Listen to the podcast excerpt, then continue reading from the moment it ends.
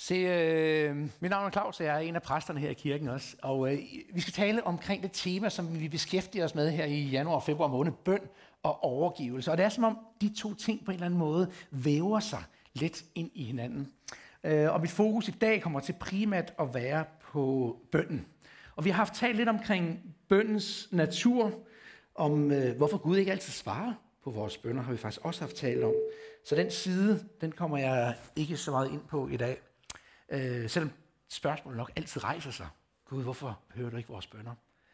Men hvis I kan høre det, Kaspers prædiken fra den 9. januar, så vil jeg varmt anbefale jer at gå ind og lytte til den, for der kommer han faktisk ind på og taler lidt omkring den del på en meget dejlig forståelig måde. I kan finde den tilgået enten på vores hjemmeside, længst nede kan I se, der er noget, der hedder undervisning, der står vores, øh, vores prædikner. I kan finde den på YouTube, hvor de ligger med video, eller I kan finde den på podcast, hvor I plejer at, at lytte bare søg efter bykirken her. Men det, som jeg vil i dag, er måske sådan lidt mere en praktisk vinkel på, hvad, hvilke elementer er det, der indgår i vores bøn.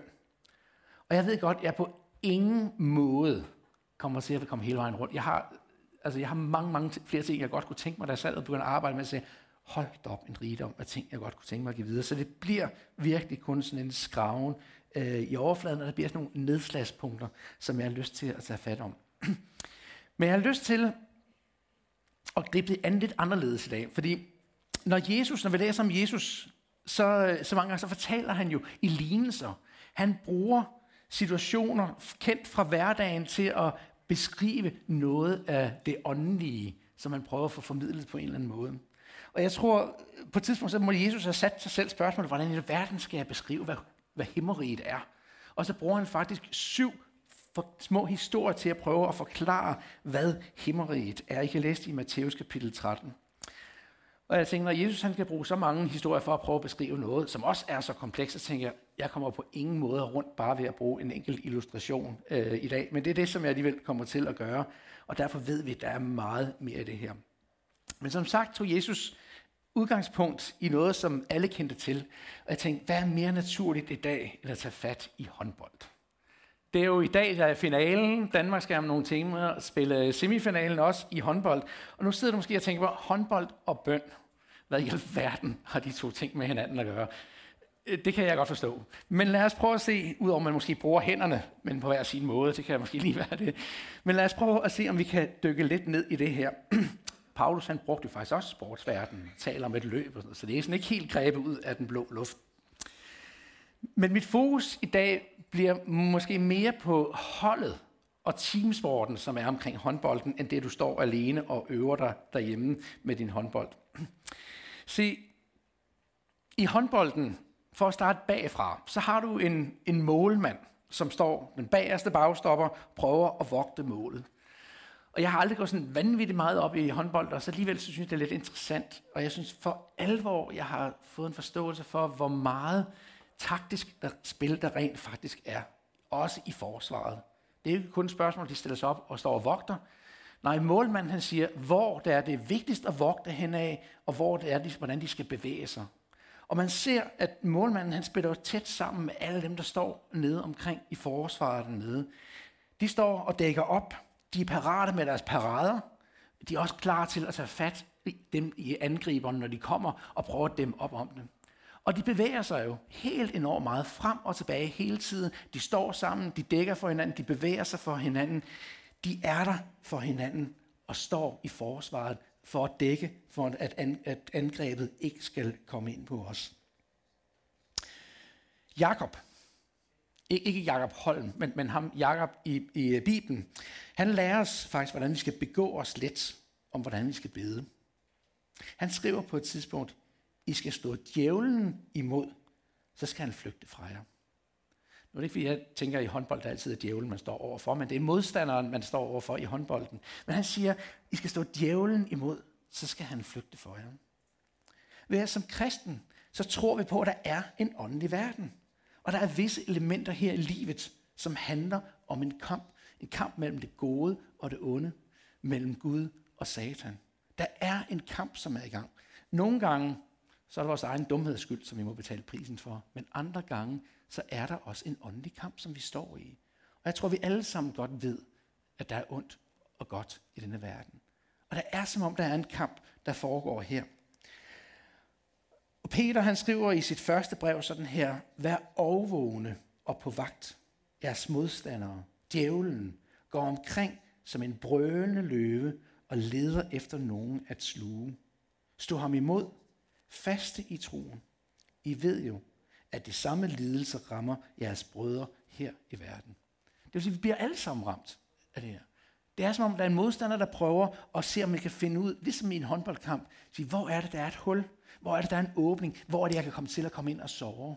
Hvor er det, jeg kan komme til at trænge igennem og ramme dem, som jeg kæmper imod? Det er den kamp, som der tales om her. Og læringen for håndbolden er, at det ikke er noget, vi altid klarer alene, det her. Det handler om, at vi bevæger os for hinanden, at vi står sammen, skulder ved skulder, dækker op. Vi står der som et team, og vi søger at dække så godt som muligt. Og jeg tror, der er en lektie for os at lære omkring bønden her. At vi er kaldet til at stå i fællesskabet for hinanden og med hinanden i den åndelige kamp, som der også er. Og ved I, hvad fordelen er?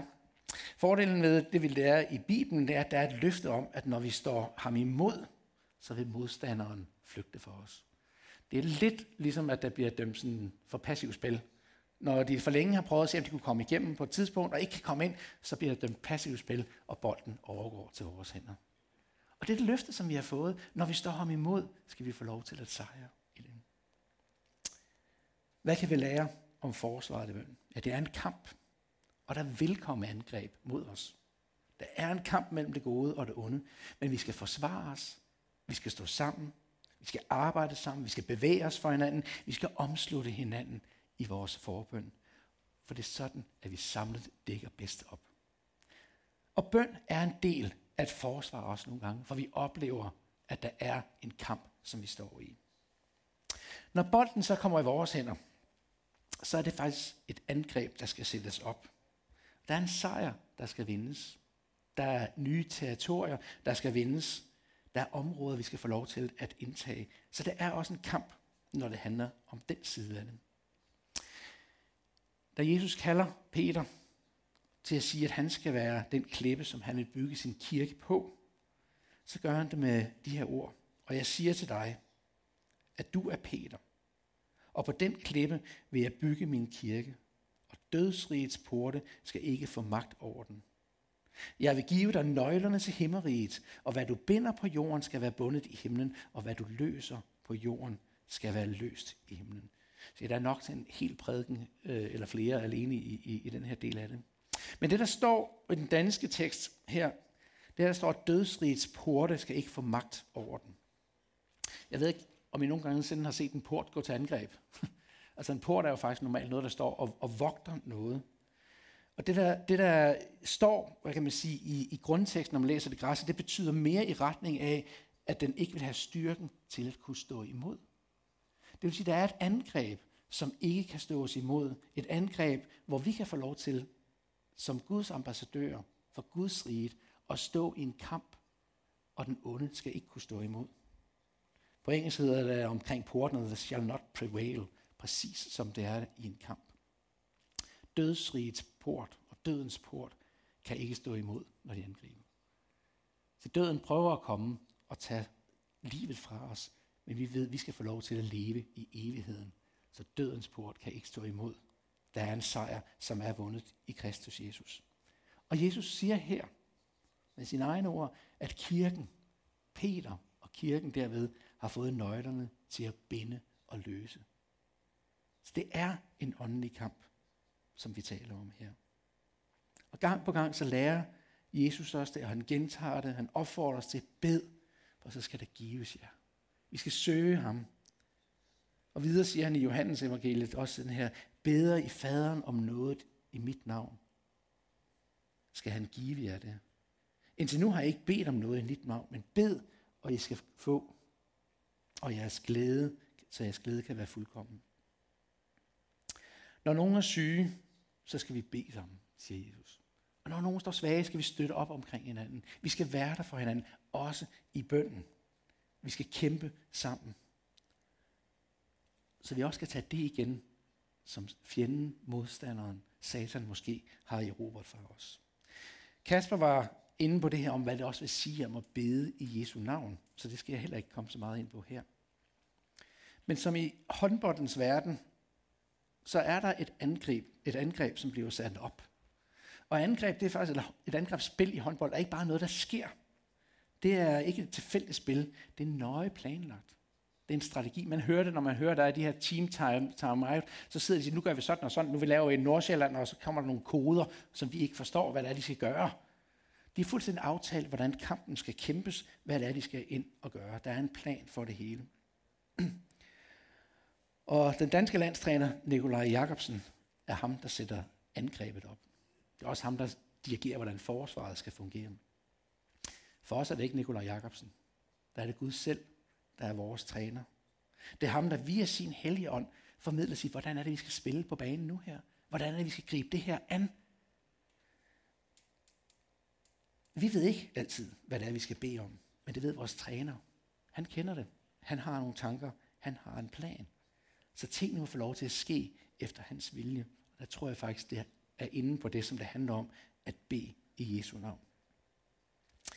Den kendte amerikanske evangelist Charles øh, Finney, han, øh, man mener, at han faktisk har mødt mere, lidt mere end en, en halv million mennesker til tro tilbage i, i 1700-tallet.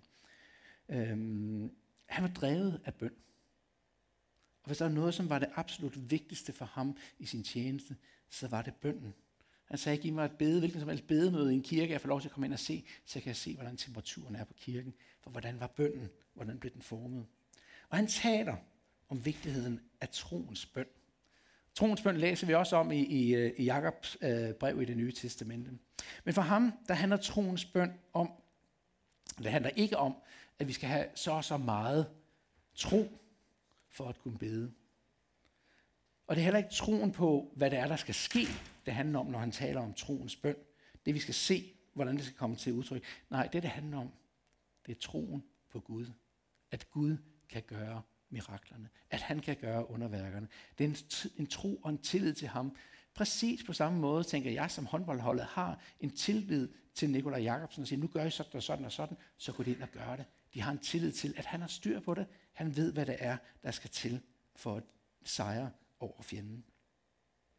Jeg plejer gerne at sige det sådan, at hellere en lille tro, nej, hellere, jo hellere en lille tro på en stor Gud, end en stor tro på en lille Gud.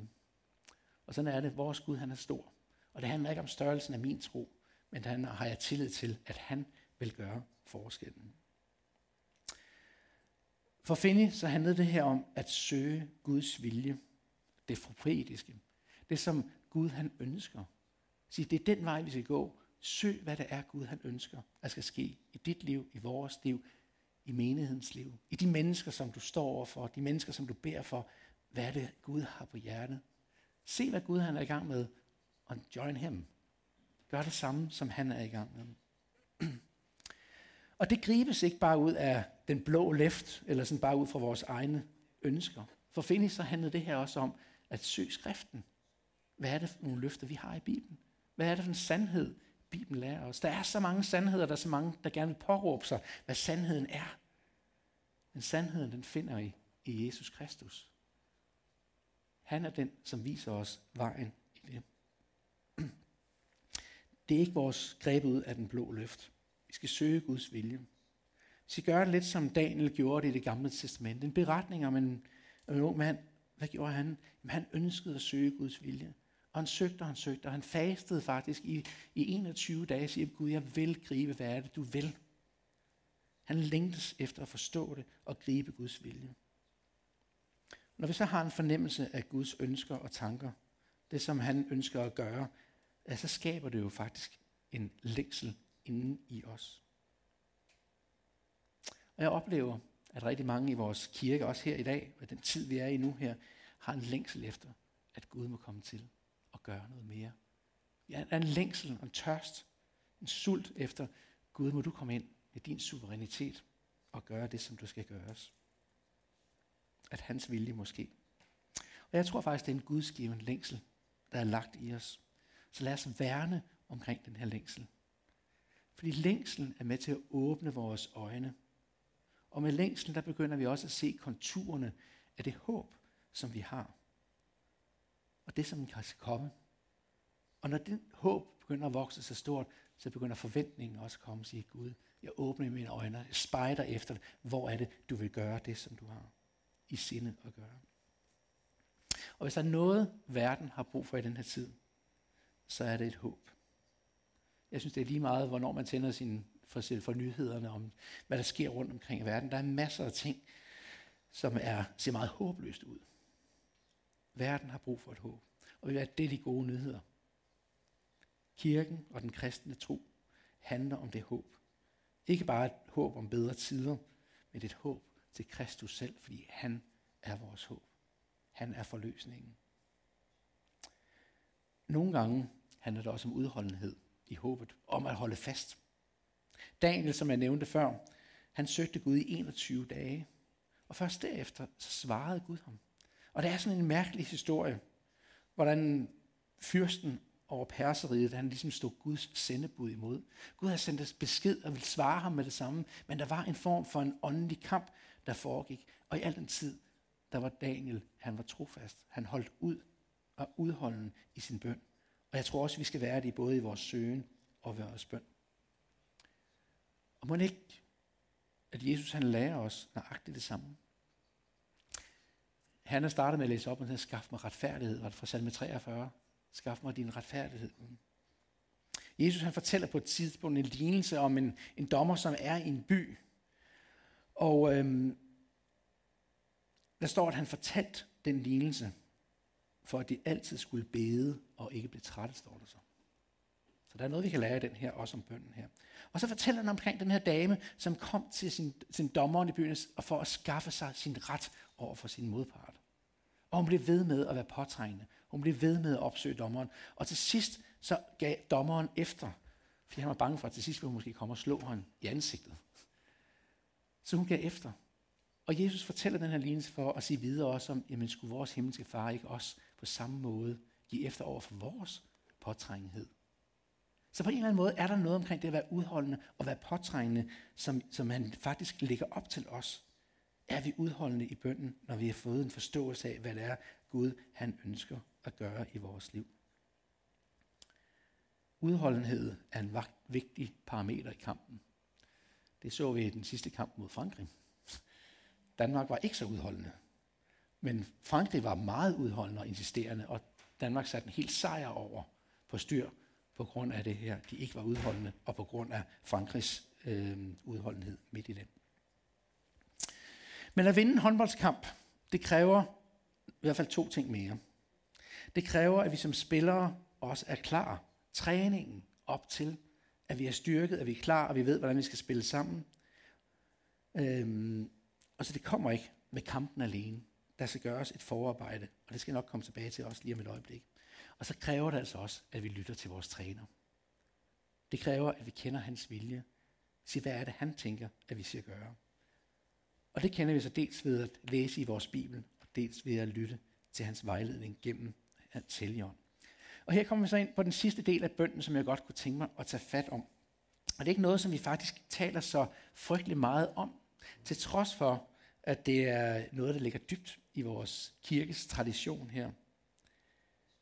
Det er en del af lytten og vores træning og vores læring, der handler om tungetalen. Det er en del af bønden også. Og det kan være så svært at forstå og forklare. Og helt ærligt, så kan det virke mærkeligt. Og måske derfor er det ikke altid, vi er så gode til at tale om det og få i talesat det.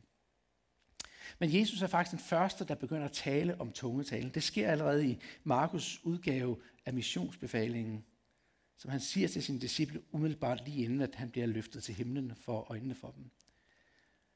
Så taler han om, at dem, som tror og bliver døbt, at de skal tale i nye tunger, siger han. Og vi ved fra Lukas' beskrivelse i Apostlenes Gerning, at den samme situation, der siger Jesus til dem, at de skal få kraften fra det høje, når helgenen kommer over dem. Og det skete så 50 dage efter i pinsen. Pinsen blev udgydelsen af helligånden. Og det blev begyndelsen på den globale sprogforvirring på enden af den del af det. Det, som havde sin ophav i, i, øh, i øh, Babeltårnet og sprogforvirring, der kom der. Derfor har jeg lige inviteret Jens herop i dag. Og Jens, du må meget gerne lige komme øh, herop. Og jeg vil gøre som et, et lille, øh, lille interview med Jens. Yes. Værsgo, Jens, sæt dig. Har du det godt? Øh, ja, tak. er der lyd på? Jens, det gør jeg. Er der lyd der, ja. Det var Til Jens, øh, ja, det kan måske vi skal starte med at få afklaret. Taler du i tunger? Øh, ja, det gør jeg. det var ligesom en god basis for hele interviewet, vi skal lave nu her. Kunne du ikke tænke dig at, at fortælle mig lidt om, øhm, hvordan startede det? Kan du huske det? Hvordan fik du selv tungetalens nådegave, hvis man kan tale om det? Øhm, det startede egentlig på en børnelejr. Ja. Jeg ved ikke, om det begyndte, men det var første gang, jeg hørte om det. Øh, der sagde lejligheden, at det var sådan et sprog, man kunne tale direkte med Gud. Øh, og så han så en tegning af, at så var Gud her, og jeg var der, og så var djævlen her midt i, og så kunne jeg tale til Gud, uden at djævlen kunne høre mine bønder. Og det var så, så kunne man blive efter sådan nogle øh, børnegudstjenester, så kunne man blive bedt for. Og det synes jeg lød spændende, så det ville jeg gerne, og blev bedt for, og oplevede overhovedet ingenting. Og fik at vide, at det betød ikke noget, jeg skulle bare sige de ord, jeg havde inde i hovedet, og jeg tror, jeg havde øh, katoli øh, et eller andet. Så i fire stavelser, så tænkte jeg, okay, det var så det. Og så var der ikke mere af det. Så fik jeg vide, at det skulle jeg bare bruge og bruge mere øh, derhjemme, så prøve at træne det, så ville der komme flere ord. Og det gjorde jeg også øh, en gang imellem, sådan, når de kom i tanke om det. Indtil en dag, hvor jeg øh, lige stod på badeværelset og slukkede lys og var døren, og så synes jeg, jeg hørte mig selv sige ordet Labrador i de der ord, jeg prøvede at bygge op, så tænkte jeg, at det, her, det er bare noget, jeg finder på. Så lukkede jeg totalt ned for det. Øh, indtil jeg kom på bibelskole som omkring 20-årig. For jeg troede hele tiden på tungetalen, og ikke selv praktiserede det, tænkte det, det ville jeg egentlig gerne, og så var der også en, der kom ind til mig og sagde, at jeg skulle bare øh, slippe det løs. Jeg burde ikke blive bedt med for bare at gå i gang med det. Jeg synes, det var svært, fordi jeg mærkede ikke noget følelsesmæssigt. Jeg mærkede ikke, at Gud var specielt nær eller noget, men jeg skulle ligesom tage skridt og så begynde at tale i tunger, og så bare gøre det. Mm. Og det var sådan, jeg begyndte at tale i tunger. Hmm. Hvor, hvor gammel var du første gang på børnelejen, kan du huske det? Måske mellem 6 og 8 år. Mellem 6 år, ja. Tungetalen, er det så noget, som du, du bruger i dag også? altså bruger. Øh, altså jeg har haft en lang historie med tungetal, øh, som vi ikke har tid til nu, men da jeg gik på den her bibelskole, der lærte jeg også, at der er en sammenhæng mellem tungetal og Guds kraft, og det tror jeg også på, og det har også været med i at praktisere, at når øh, vi bad meget i tunger, og var i fællesskab, og vi bad meget i tunger, så var det også som om, Altså, at der var forløst nogle ting. Men for mig blev det på en måde, ligesom, øh, det kom til at stå lidt i vejen faktisk for mit gudsforhold, for det var ligesom en motor, der skulle startes op, så skulle den varmes op, inden man ligesom kom i gang.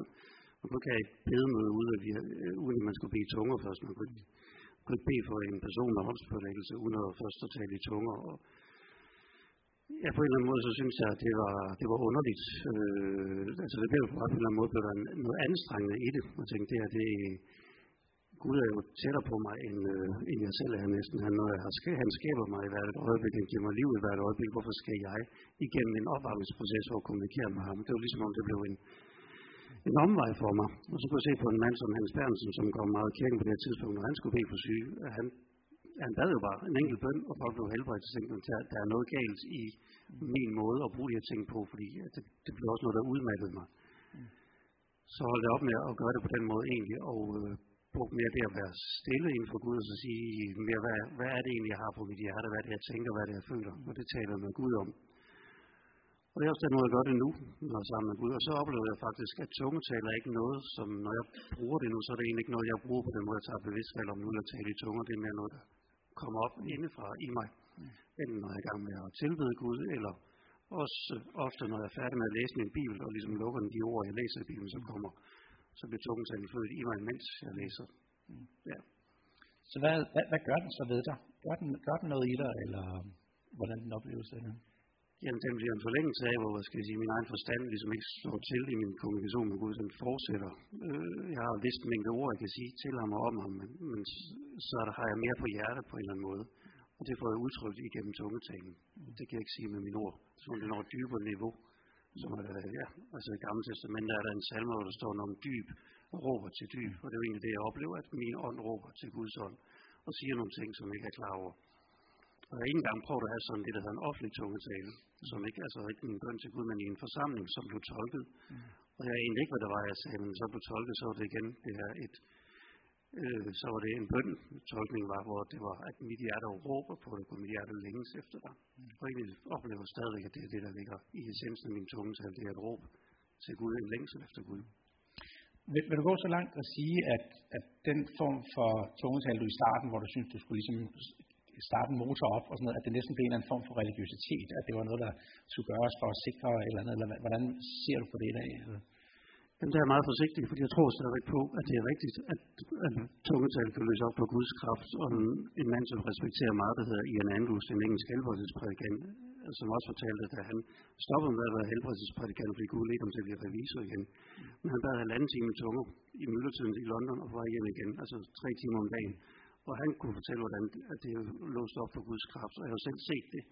For mig blev det bare øh, dumt på et eller andet tidspunkt. Så blev det, øh, ja, så blev det anstrengende, og det blev noget, jeg skulle øh, stampe op i jorden, mm. for at kunne komme øh, ind og være sammen med min far, som har skabt mig. Mm.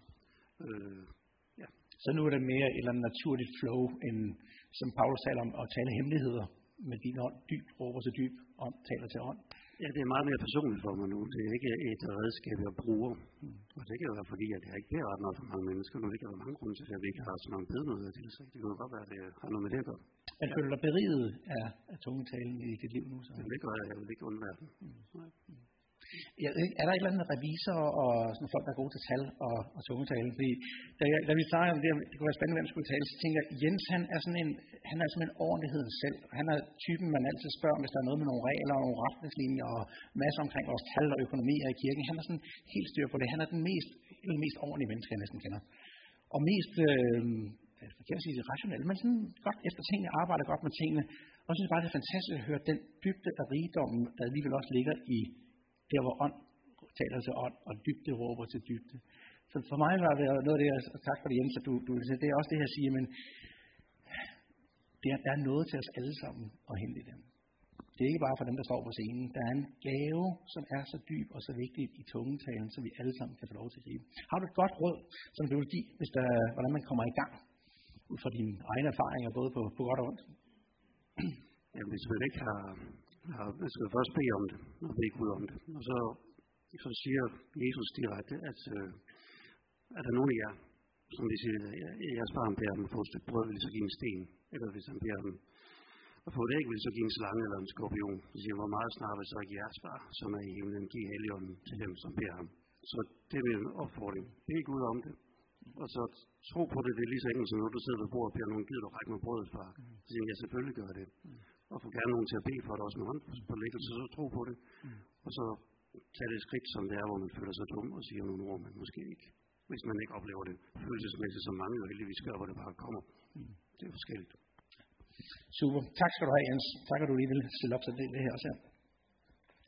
Så en del af, af det misbrug, og måske ikke mindst formen af tungetale, som måske har skræmt nogle mennesker, det er der, hvor det ligesom i perioder har været en tendens til at udvikle sig til, det skal være noget, noget højt råbende, eller noget, man skal bruge magisk på en eller anden form, som, som formel, som, som Jens også var lidt inde på her.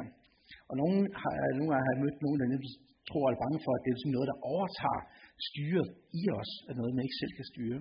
Man må bare sige, at det er ingenlunde det, hvor man læser i sit nye testamente. Og mange af de oplevelser, som er beskrevet, når man sidder og læser kirkehistorien om folk, der har haft oplevelser med, med tungetalen, så er det faktisk på en meget stille og rolig måde. Det har haft sådan lidt forskellige betydninger og plads op gennem øh, tiden, men tilbage i, i 1906, så udbrød det, som vi kalder den karismatiske vækkelse i, på Azusa Street i Los Angeles, og der er vores kirke og den bevægelse også er, er rundet af. Og man siger, den har strømmet ud over hele verden og befrugtet og været til velsignelse for alle kirkesamfund. Og en del af den karismatiske vækkelse har blandt andet været tungetalen, at vi har fået øjnene op for, at der ligger et himmelsk sprog til os alle sammen, som vi kan få lov til at vokse og leve i. Men det interessante er, at så jeg forberedte så fandt jeg faktisk ud af, at, at vores egen pinsekirkes ophavsmand her i Norden, Levi Petrus, han, det var faktisk allerede i 1902, altså fire år før den karismatiske vækkelse, at han faktisk selv oplevede at tale i tunger. Og det var faktisk meget, som, som Jens beskriver det, helt nede på jorden. Han var afsted ud at sejle, var på vej tilbage til Sverige, og en tidlig morgen, hvor han stod op og stod ud på dækket og så så Guds skønhed og solopgangen og oplevede et enormt nærvær. Og han fyldtes med en bøn, og han, så han begyndte at stå og bede. Og han oplevede lidt, som, som Jens også sagde det her, det der lige pludselig løb lidt tør for ord, og pludselig står der, at jeg talte ord, som jeg ikke selv forstod. Ja, det var fire år før den karismatiske vækkelse begyndte at sprede sig ud. Så det ligger noget helt naturligt, og når man læser flere andre, skal jeg nok være med at trætte jer med nu her, flere andre beretninger af dem, som har stået foran os i den karismatiske vækkelsestid, når de taler omkring deres oplevelse, så er det sådan, jamen det kom til dem, og de var, så, så deres, deres tanker var sådan lidt ud forstand, men der var ikke noget nede i dybet af dem, men det var ikke noget vildt, det var ikke noget fancy, det var ikke noget højt råbende, det var en stille pludren, en samtale med, mellem med sin himmelske far. Det er ånd til ånd, det er præcis dyb, der råber til dyb, som, som Jens også øh, talte om det her. Vi skal til at slutte nu her, men jeg vil sige sådan, hvad er vores læring, vi kan tage med os ud fra både mit billede med, med håndboldkampen og med, med øh, tungetalen her. Det ene er, at det er en åndelig kamp, som vi står i. Paulus han siger sådan her i, til, i efterbrevet, i øvrigt, vær stærke i Herren og i hans mægtige styrke. I fører jer Guds fulde rustning, så I kan holde stand mod djævelens ildløb. Sig for os står kampen ikke mod kød og blod, men mod myndigheder og magter, mod verdens herskere i dette mørke, mod ondskabets åndsmagter i himmelrummet. Der er en åndelig kamp, som vi også står i. Der er et forsvar, som vi skal gøre, når angrebene kommer. Her skal vi stå sammen, side om side, være der for hinanden, hjælpe hinanden. Der er også et angreb, hvor vi skal være med til at vinde nye territorier. Vi skal omslutte hinanden i forbønden. Vi skal tage det tilbage igen, som Satan måske har taget. Og så husk, lyt til din træner. Han ved, hvad der er bedst. Han ved, hvad vejen går, og det er vores himmelske far, som er vores træner. Og en af måderne, vi blandt andet kan gøre det på, det er tungetalen. Så lad os bruge tungetalen. Der ligger så stor en gave til os, om berigelse i os, i at gribe ud efter tungetalen. Peter Haldorf siger sådan her på et tidspunkt, hvis kirken lukker ånden ude, dømmer den sig selv til at blive en kristen karikatur. Noget, der næsten er lavet for sjovt. Ånden er så vigtig, og det kommer blandt andet til udtryk i nogle af de ting, som jeg talte om her. Og en anden sådan ortodox åndelig leder fra vores tid, øh, Ignatius Alatakia, han siger, uden helligånden vil Jesus forblive i fortiden. Men lad os tage Jesus med ind i nutiden.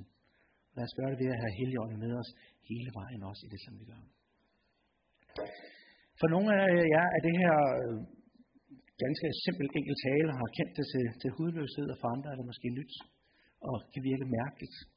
Og vi vil altid, hvis der er mulighed for, eller stille mulighed for, hvis I har brug for at snakke omkring det her, og høre lidt mere om det, så lad os snakke om det. Lad os, lad os prøve det. Lad os undersøge det sammen. Lad os finde, hvordan ser vejen ud for Gud også i dag. Men der er også, som Jens siger, der er også noget af det her om at forbi for det, og lad os kaste ud i det. Og hvordan vi gør det praksis, det nogle gange kan nok være svært. Nu vil jeg gerne lige bede lovsangerne om at komme herop, fordi en del af det om at tale i tunge er også det, som vi nogle gange kalder sang i ånden. Det er der, hvor man måske bare begynder at synge det ud. Og det kan nogle gange være nemmere at gøre det i den setting. Så jeg vil spørge øh, lovsgruppen, om vi kunne tænke os at lede os i den her kommende os tilbe. Øh, og, give noget tid til, at hvor vi måske også på et tidspunkt bare synger, sætter vores egne ord på. Sæt ord på det, som du måske, hvis du oplever nogle ord, der kommer til dig, jamen så prøv at synge det ud. Vi er trygge, vi kan prøve det frem. Det kan virke fjollet, det kan virke mærkeligt, vi synes, det, er, vi synes, det kan være grænseoverskridende. Jeg skal nok være med træt med min egen oplevelse, men der er en enorm glæde, der er noget, som Gud giver os i det her, som vi kan få lov til at erfare og opleve sammen i et trygt og et godt rum. Så jeg håber, I er komfortable med det. Og hvis ikke, så bare øh, sid stille og roligt og folk din hænder og øh, bede en bøn til Gud. Det er også helt i orden. Men lad os prøve at synge den her sammen. Lad os gå ind i, i Guds nærhed. Og så lad os give tid til, ikke, ikke helt afsat, jeg sagde ligesom selv lige før, så det er sådan helt, lad os give tid og plads til også, at vi måske bruger lidt tid også i, uh, i, i sang i ånden. Så værsgo til lovsangsgruppen. Lad os lige bede sammen. Himmelske far, må du lede os af din vej. Tak for den rigdom, som vi har fået i dig. Tak for tungetalen. Vi kan få lov til at lade dyb råbe til dyb. Der, hvor vores egne ord slipper op. Der, hvor vi, vi ikke føler, at vi har, har mere kunne have sagt. Jeg ved ikke, hvordan vi skal få det udtrykt. der kommer du også til hjælp. Tak for det løfte, som du har givet os om Helligånden. Gud, det er ikke øh, manifestationerne, vi søger, men det er livet med dig. Det sande liv. Det liv, som er videre for os, som man sagde i gamle dage. Det, som, som læsker os, og det, som udfordrer os. Det, som udruster os.